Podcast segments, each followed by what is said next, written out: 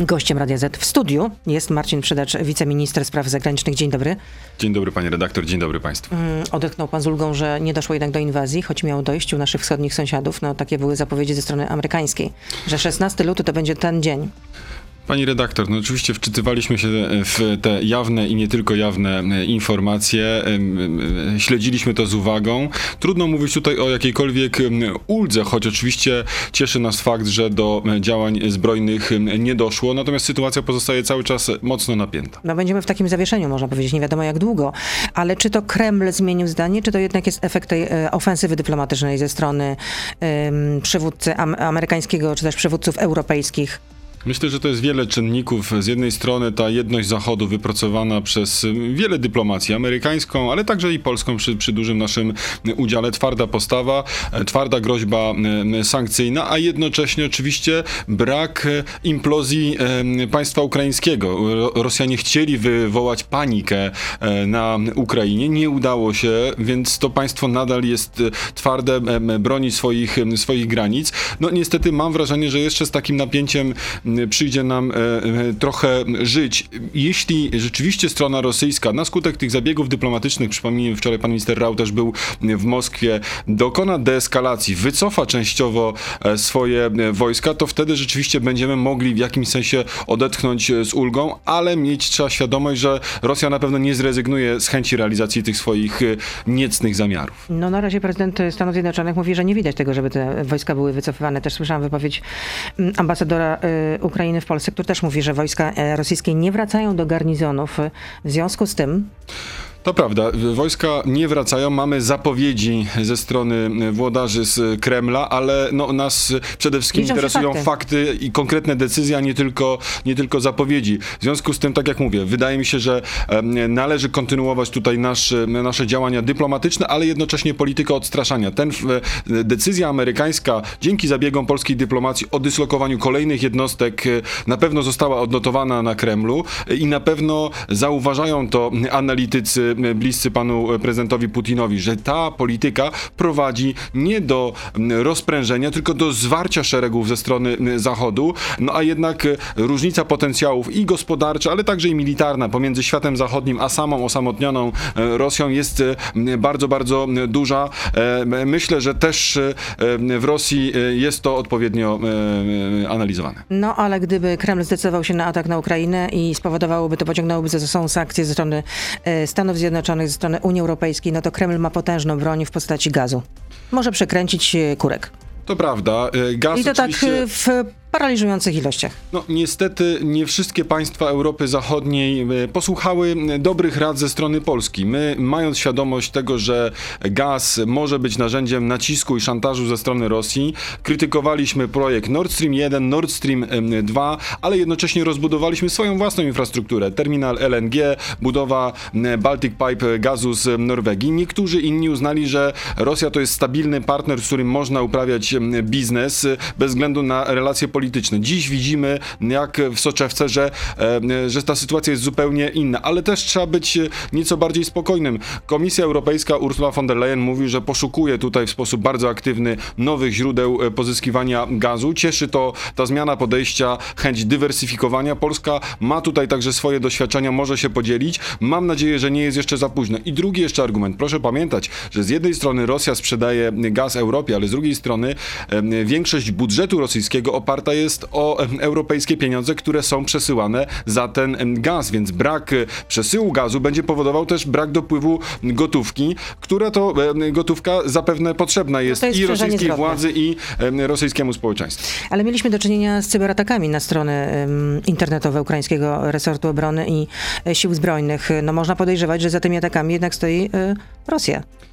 No rzeczywiście, rzeczywistość ostatnich e, kilkunastu lat e, e, doświadczyła nas dość, boleśnie, jeśli chodzi o kwestie cybernetyczne. Zawsze, kiedy dochodziło do takich dużych ataków, po jakimś czasie okazywało się, że wszystkie nitki prowadzą w kierunku Rosji. Nie mamy tutaj twardych dowodów, oczywiście, jeśli chodzi o te wczorajsze ataki na państwo ukraińskie, na instytucje obrony, na, na banki. No Natomiast FSB odmówiła komentarza. Na całej tej sytuacji mamy Reuters. prawo podejrzewać niestety, że również i ten atak był przeprowadzony przeprowadzony z kierunku, z kierunku wschodniego. To pewnie będzie przedmiotem badań i państwa ukraińskiego i państw nam sojuszniczych.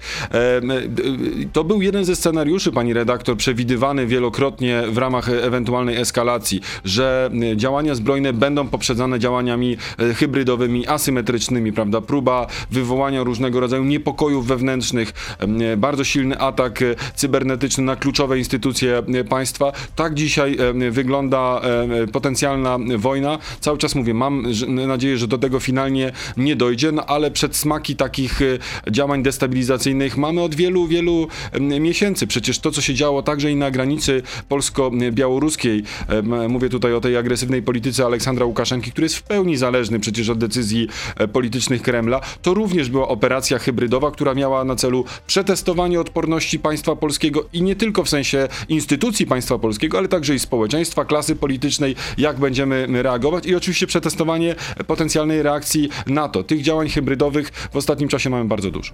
Na lot północy w Polsce obowiązuje też pierwszy stopień alarmowy, jeśli chodzi o przeciwdziałanie zagrożeniom cybernetycznym. Rozumiem, że to w związku z tymi atakami na Ukrainie, tak? Pani redaktor, sytuacja pozostaje bardzo niestabilna i także w przestrzeni cybernetycznej e, mogą się dziać e, różne rzeczy. Możemy także być poddawani różnym e, próbom, działaniom poniżej progu wojny. Mimo, że jesteśmy państwem natowskim, no to mamy też świadomość, że graniczymy z, z regionem bardzo niestabilnym. Mówię tutaj o, o, o Białorusi, mówię tutaj o poddawanej naciskom ze strony rosyjskiej Ukrainie, więc te działania hybrydowe czy działania cybernetyczne mogą także w jakimś sensie dotykać nie tylko nas, ale szereg innych państw regionu. Stąd też lepiej być przygotowanym. Zresztą m, państwo Czyli polskie... rozumiem, że dlatego zarządzono ten pierwszy stopień, ten najniższy zresztą, e, bezpieczeństwa, ten, dlatego, że na Ukrainie wydarzyło się to, co się wydarzyło, tak? E, Dlatego, że dzieją się rzeczy wokół naszych granic bardzo niepokojące, w związku z tym e, pierwszy stopień to nie jest jeszcze po, powód No, do, do paniki, ale to jest powód do uwrażliwienia. Do wzmożonej czynności. do wzmożonej czujności, tak żebyśmy byli potencjalnie gotowi, ale jeszcze powiem, że chodzi też o pewnego rodzaju właśnie wyczulenie i przygotowanie wcześniejsze różnych działań i decyzji. My e, śledzimy to, co się dzieje e, na wschód od naszych granic od wielu miesięcy. Proszę e, przypomnieć, że pan premier Morawiecki jeszcze jesienią objechał w zasadzie pół Europy, alarmując niejako, że możliwa jest e, eskalacja sytuacji wokół granic Ukrainy, że Rosja zbroi się, szykuje, szykuje swoje, swoje działania. E, Wtedy w Polsce nie do końca może wszyscy rozumieli, o co w tych, w tych działaniach e, chodzi. Opozycja zarzucała, że premier jeździ nie wiadomo po co po Europie. No właśnie o to chodzi w polityce zagranicznej, żeby działać wyprzedzająco, a nie tylko gasić potencjalne pożary, tylko budować tą Ale jedność to chcę pan europejską. powiedzieć, że wysiłki nasze, polskich władz, między innymi premiera Morawieckiego, doprowadziły do tego, że no, podjęto taką szeroko zakrojoną ofensywę ze strony państw natowskich? Pani redaktor, no jesteśmy ważnym, dużym członkiem em, NATO, istotnym i nasza ocena sytuacji na wschodzie, polityki wschodniej jest bardzo istotna. No nie bez przyczyny przyjeżdżają tutaj w ostatnim czasie wszyscy najważniejsi politycy europejscy. E, Trójkąt Weimarski się odbył, Boris Johnson niedawno był, Lloyd Austin, za chwilkę szef Pentagonu przyjeżdża do Ale nie do tylko do Warszawy. Polski.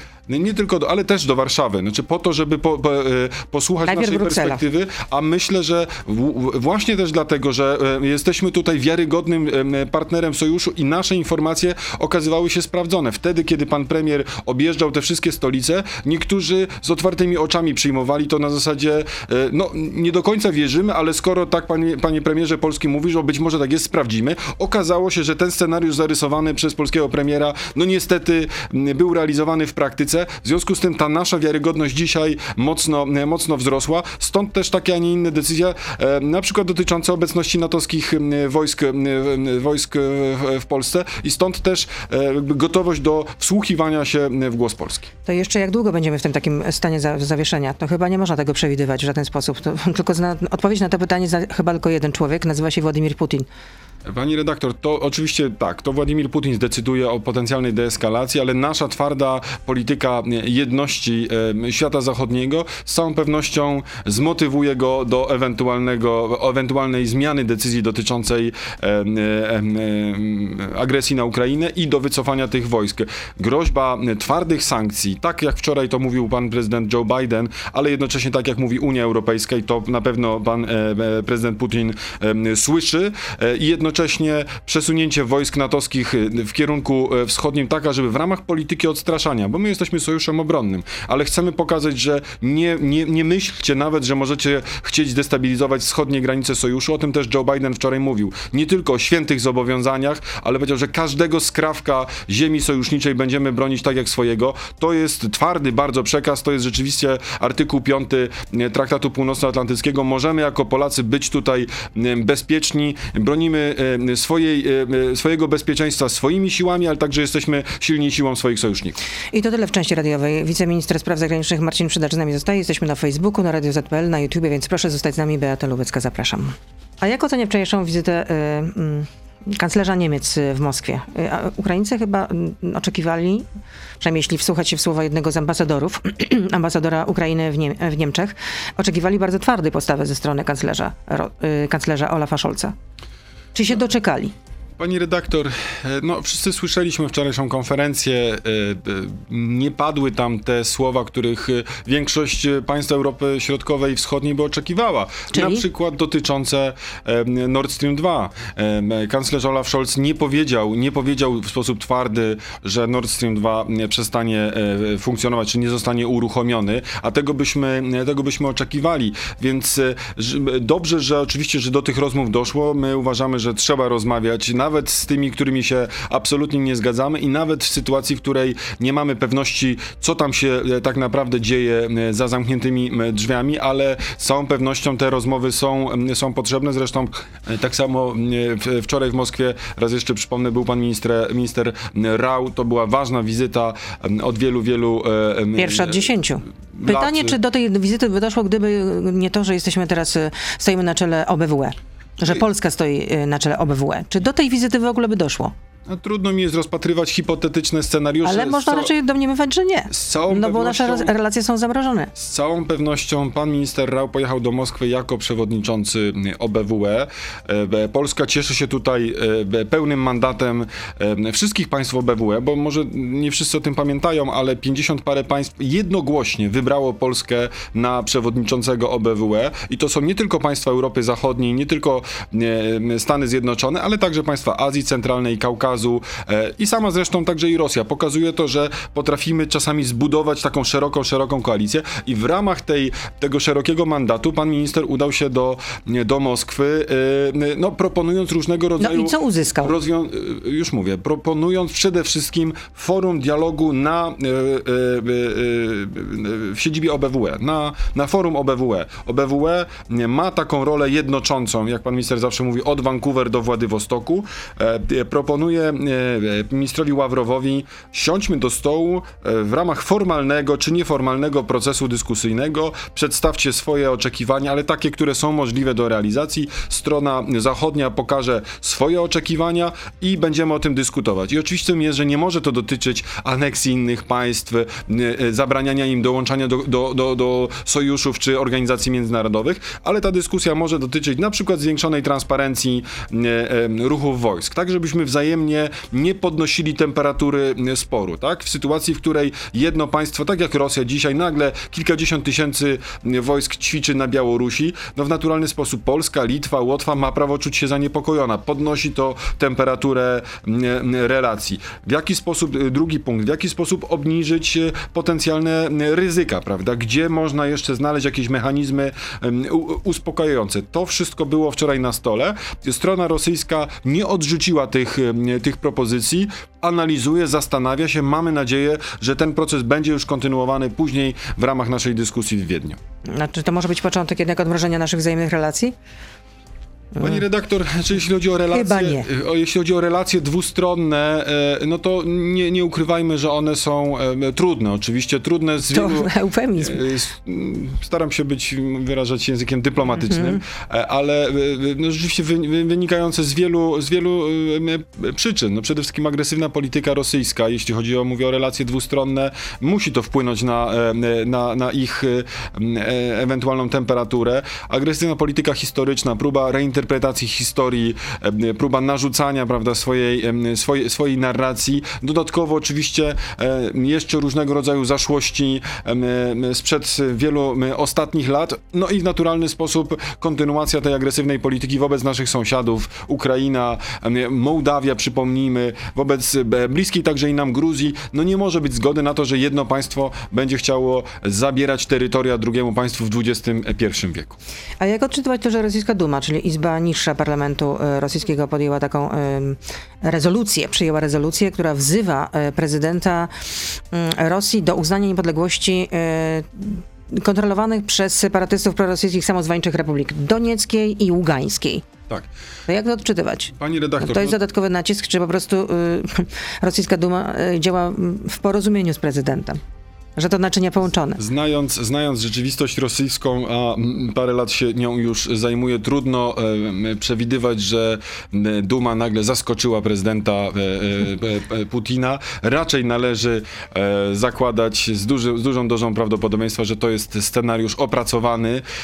Tutaj niezależność Izby Parlamentarnej jest dość mocno ograniczona. Oczywiście Rosjanie pozostawiają sobie wiele kart w tej swojej talii, wiele możliwych scenariuszy do realizacji. Pamiętajmy, że przecież nawet jeśli e, na, w wyniku nacisku, w wyniku polityki odstraszania, w wy- wyniku aktywnej polityki potencjalnych sankcji, Rosja wycofa się z tej swojej agresywnej polityki, swojej, e, no to będzie musiała w jakiś sposób uzasadnić to swoim własnym e, odbiorcom wewnątrz kraju, swoim własnym grupom tak zwanych siłowików, prawda, tych agresorów, agresywnych polityków wewnątrz, wewnątrz Moskwy, no i trzeba mieć jakiś scenariusz wyjścia, prawda, exit strategy, jak z tego całego, z całej sytuacji wyjść. Być może to jest jedna z kart, którą w tym momencie zachowuje sobie e, pan prezydent Putin na przyszłość, na, na, na, na, na, natomiast nie może też być absolutnie akceptacji dla tego typu e, działań. To, że Duma do, to, e, do tego wzywa, to już jest samo w sobie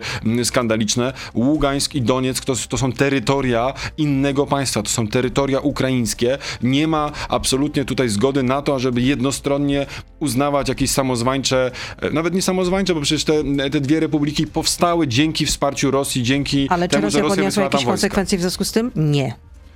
E, No, niestety to nie wtedy nie, nie, nie, rząd Zjednoczonej Prawicy e, był w, e, funkcjonował w Polsce. My jesteśmy dopiero od 2015 roku, wtedy, kiedy dokonywano zaboru Krymu. Ale co, kiedy... moglibyś, co my moglibyśmy zrobić w tej sprawie? No, bardziej aktywna polityka sankcyjna, wydaje mi się, była absolutnie możliwa i no, jednak bardziej aktywna działania dyplomatyczne i próba rzeczywiście doprowadzenia do sytuacji, w której Rosja odczułaby skutecznie swoje, em, swoje, swoje, swoje, swoje kroki. Były Ale według wprowadzone... ocen e, opozycji to e, nasza polityka zagraniczna właściwie leży, dyplomacja leży.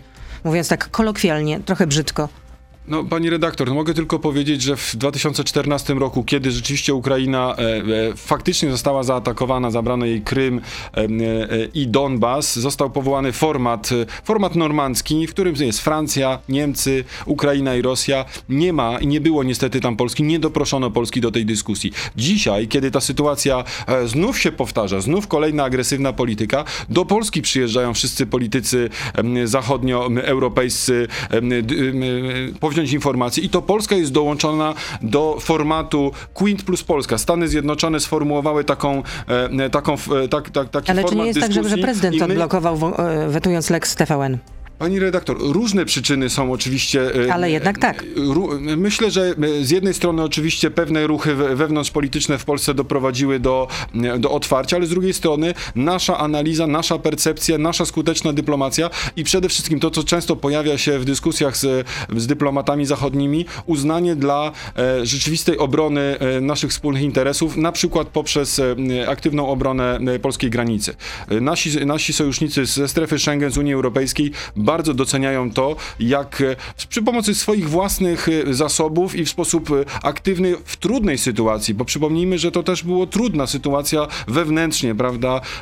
Media z jednej strony atakowały, atakowały rząd, z drugiej strony agresywnie wykorzystywała to, tą Jak to sytuację. No to też e, krytyka to jest od razu atak? No, dobrze, to może krytykowały. No przede wszystkim krytykowały chodziło o rząd- to, że nie, że nie wpuszczaliście tam y, dziennikarzy. Nadal dziennikarze tam są po prostu, ich obecność jest reglamentowana. Mówimy o tej strefie przygranicznej, redaktor, o granicy z Białorusią. Nie, nie to było tutaj kluczowe w tej wypowiedzi. Chodzi o to, że sytuacja była dość trudna, Mhm. złożona na wielu różnych poziomach, a jednak Polska sobie bardzo dobrze z tym e, poradziła, więc e, udowodniliśmy poprzez konkretne działania i decyzje, że jesteśmy przydatnym sojusznikiem, rozumiejącym, rozumiejącym wschód i nasz głos jest e, liczący się. A wracając do sytuacji z Ukrainą, co oznaczałby ewentualny atak na Ukrainę dla nas, dla Polaków? No, że tutaj napłynęłaby fala uchodźców. Czy jesteśmy w stanie oszacować, ile ty, ilu tych Ukraińców, y, uchodźców e, przyjechałoby do Polski? Pani redaktor, mogę tylko powiedzieć, Czy to byłby milion, czy to byłyby dwa miliony, czy to były trzy miliony? Jesteśmy w stanie w ogóle to szacować? staramy się być przygotowani na e, wszelkie możliwe e, scenariusze, ale oczywiście jest tak dużo różnych zmiennych, w zależności od tego, jak ten potencjalny mm, e, atak, jak te potencjalne działania miałyby wyglądać, tak będzie też wyglądała reakcja ludności e, cywilnej. Przypomnijmy, że w Polsce w zasadzie na stałe przebywa w tym momencie milion trzysta Ukraińców. Każdy z tych e, ludzi ma swoich przyjaciół, swoje rodziny. Jest oczywiście do przewidzenia, że część z nich może chcieć przyjechać w takim wypadku do Polski. Mamy też wielu em, I obywateli... dołączyć właśnie do swoich przyjaciół, czy do swojej rodziny. To jest obywateli naturalne. Mamy wielu obywateli ukraińskich, e, którzy mają, posiadają kartę Polaka. To są nasz, na, e, nam bliscy ludzie. W naturalny sposób mamy także i wobec nich pewne, m, pewne e, zobowiązania. Skala jest oczywiście bardzo trudna do oszacowania. Ministerstwo Spraw Wewnętrznych jest tutaj e, na bieżąco jakby aktualizowana, aktualizowana jest baza, prawda? Aktualizowane są procedury. Chce być przygotowane także i Ministerstwo Obrony Narodowej.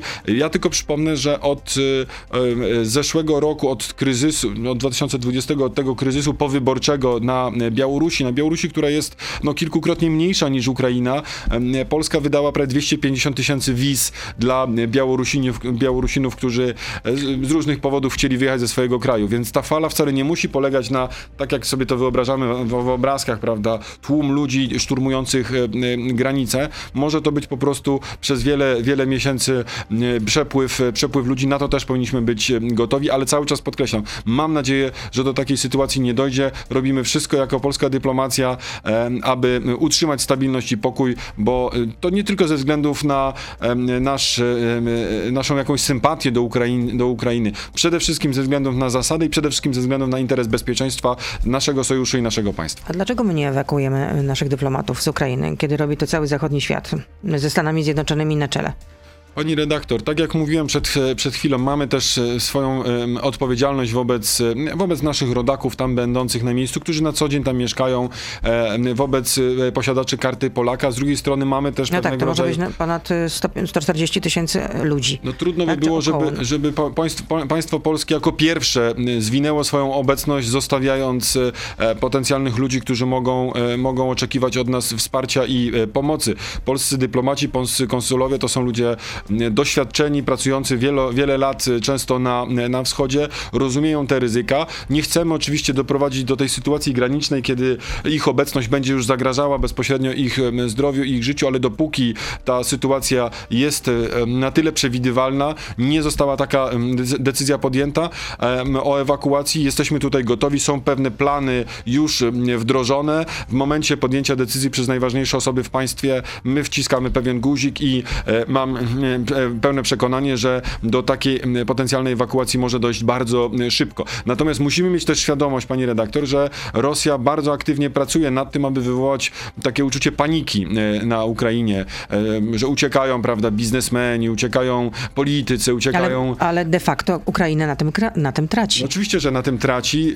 Ukraińskie społeczeństwo obserwuje to. No, Inwestorzy pewno- teraz tam nie pchają się drzwiami, pe- oknami, wręcz przeciwnie. I to jest jeden ze scenariuszy, także i hybrydowych ze strony rosyjskiej. Tak duży, duży nacisk, aby dławić gospodarczo Ukrainę, a następnie pokazywać w, swe, w mediach sobie przyjaznych Ukraińcom, że proszę bardzo, prezydent Zeleński nie radzi sobie z dostarczaniem podstawowych dóbr, prawda, gospodarka ukraińska nie, ra, nie radzi sobie w żaden sposób. Dlatego, że ewentualny sukces ukraińskiej gospodarki, ukraińskiej demokracji byłby śmiertelnie niebezpieczny dla samego Kremla. Okazałoby się, że tak duże państwo postsowieckie jak Ukraina z tymi samymi problemami, które ma Rosja, albo z częścią tych samych problemów.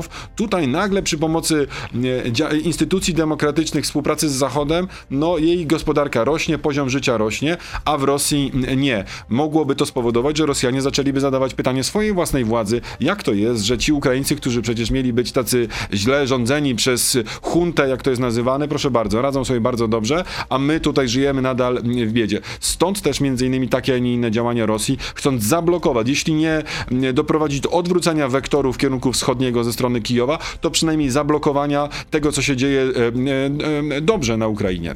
A czy mamy jakiś plan ewakuacji Polaków, gdyby z Ukrainy, gdyby nie daj Boże doszło do interwencji rosyjskiej na Ukrainie? Czy mamy takie plany? Tak, pani... No bo już można poczytać w polskich mediach, że są obawy, że jeśli dojdzie do tej inwazji, no to jednak na granicy będą e, potężne korki e, w związku z tym, że będzie również fala uchodźców. Czego pani, można się spodziewać? Pani redaktor, mamy... Yy, Chociaż pan akurat nie przewiduje takie scenariusze.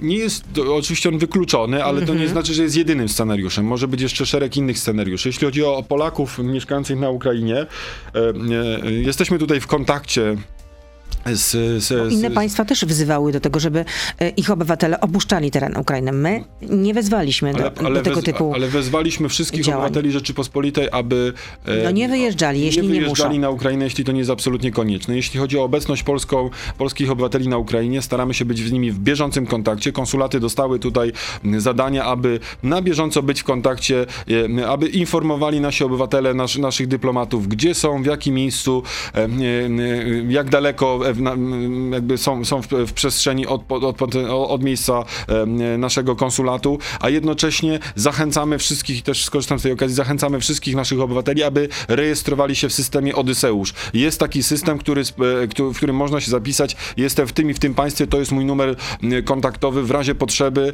bo jasnym jest, że przecież A ten Polaków... system można znaleźć gdzie? W internecie? W internecie, oczywiście, tak. W internecie można, można spokojnie, spokojnie znaleźć, zarejestrować się. To po, pozwoli naszym konsulom być w bieżącym kontakcie oni raz na jakiś czas dzwonią do takiej osoby, pytają, czy wszystko jest w porządku, oczywiście w sytuacji, w sytuacji zagrożenia, e, ale mamy też wiele sygnałów od naszych rodaków mieszkających, którzy tam na, na stałe mieszkają.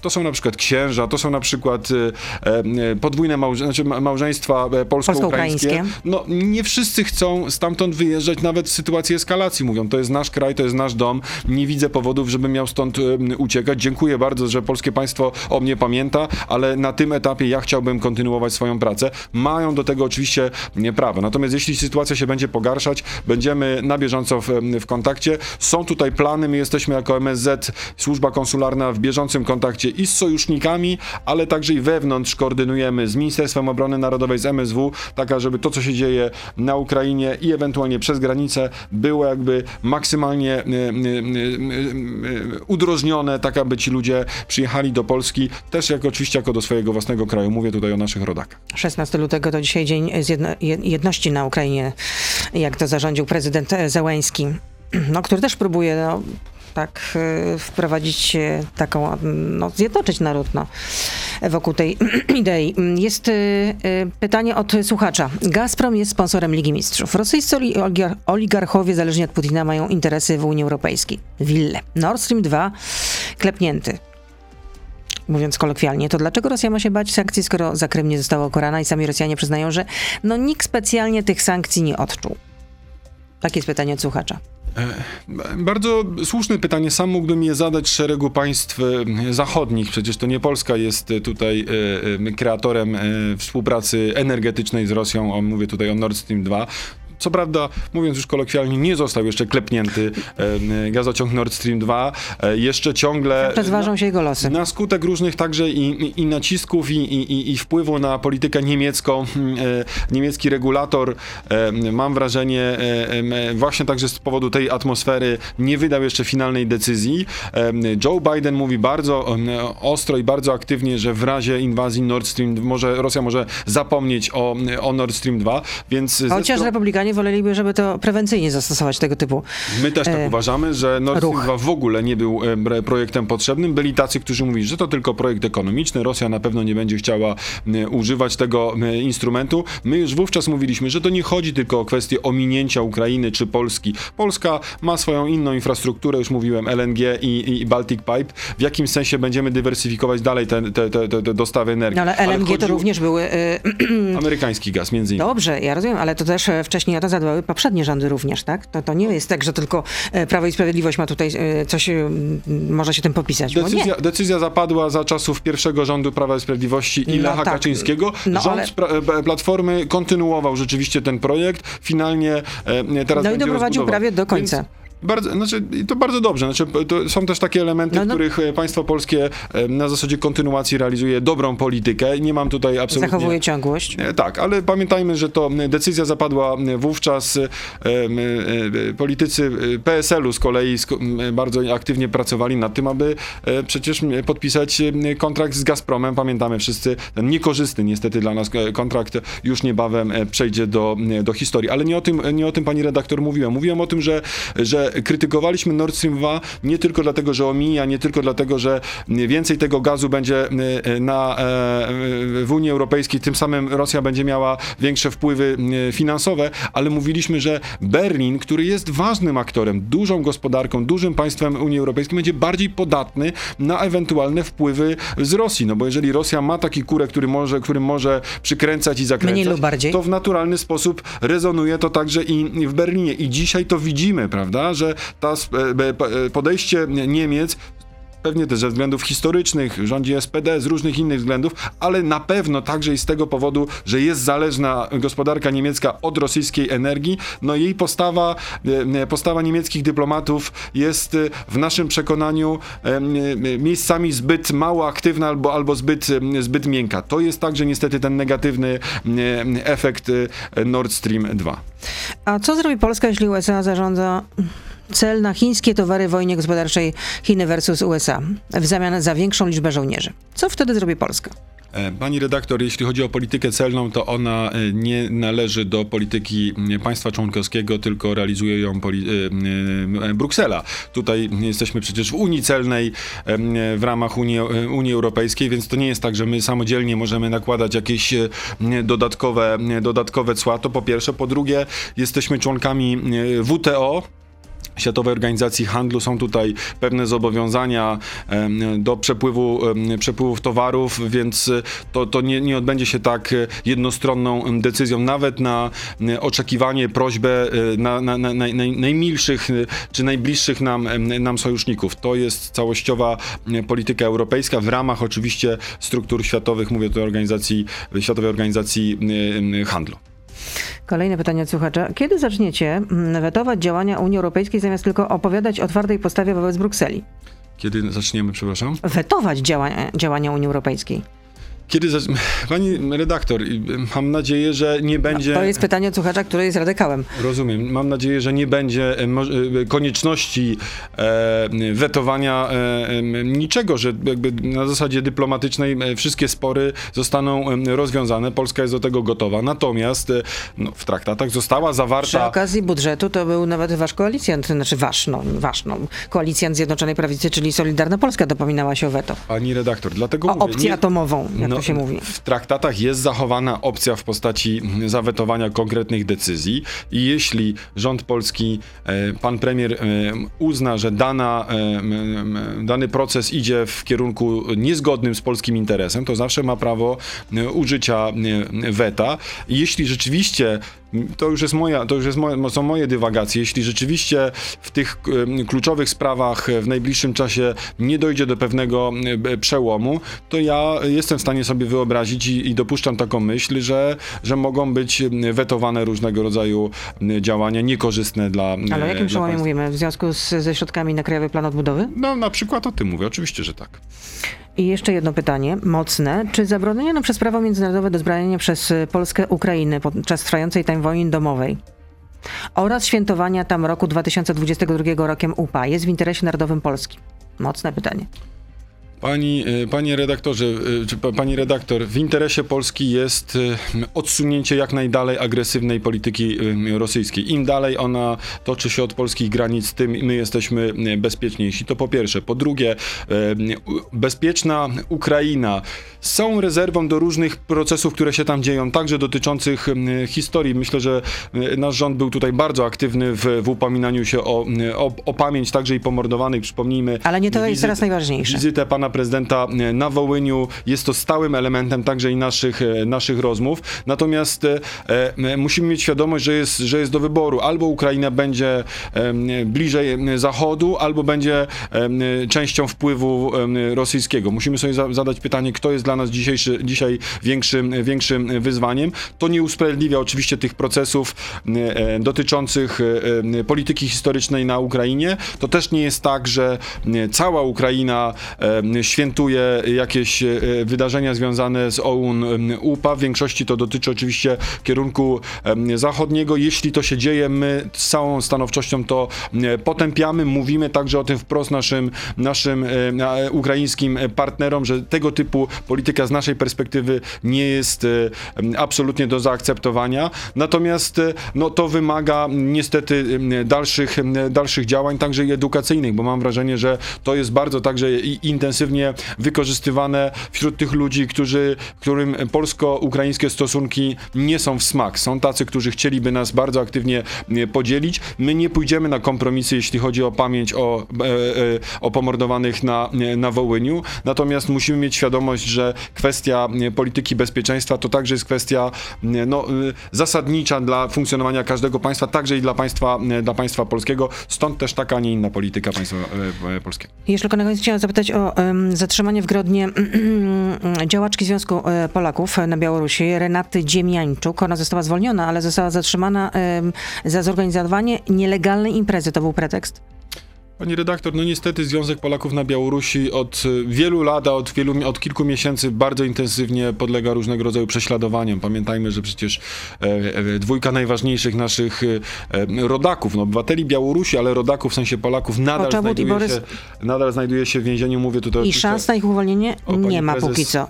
O pani prezes Borys i panu redaktorze Pocz- Poczobucie. To jest oczywiście przedmiotem naszej bezpośredniej i ciągłej aktywności. Niestety... A co to znaczy? nie- Na czym ta ak- aktywność polega? no, no, no, no, wywieraniu nacisku na stronę e, białoruską, na e, e, rozmowach i z państwami sojuszniczymi i oczywiście także i w relacjach e, z Białorusią. E, wielokrotnie nasz, nasza, na, na, nasze przedstawicielstwo dyplomatyczne w Mińsku w zasadzie przy każdej rozmowie o tym, o to się upomina, także i- i w relacjach tutaj z ambasadą w, w Warszawie.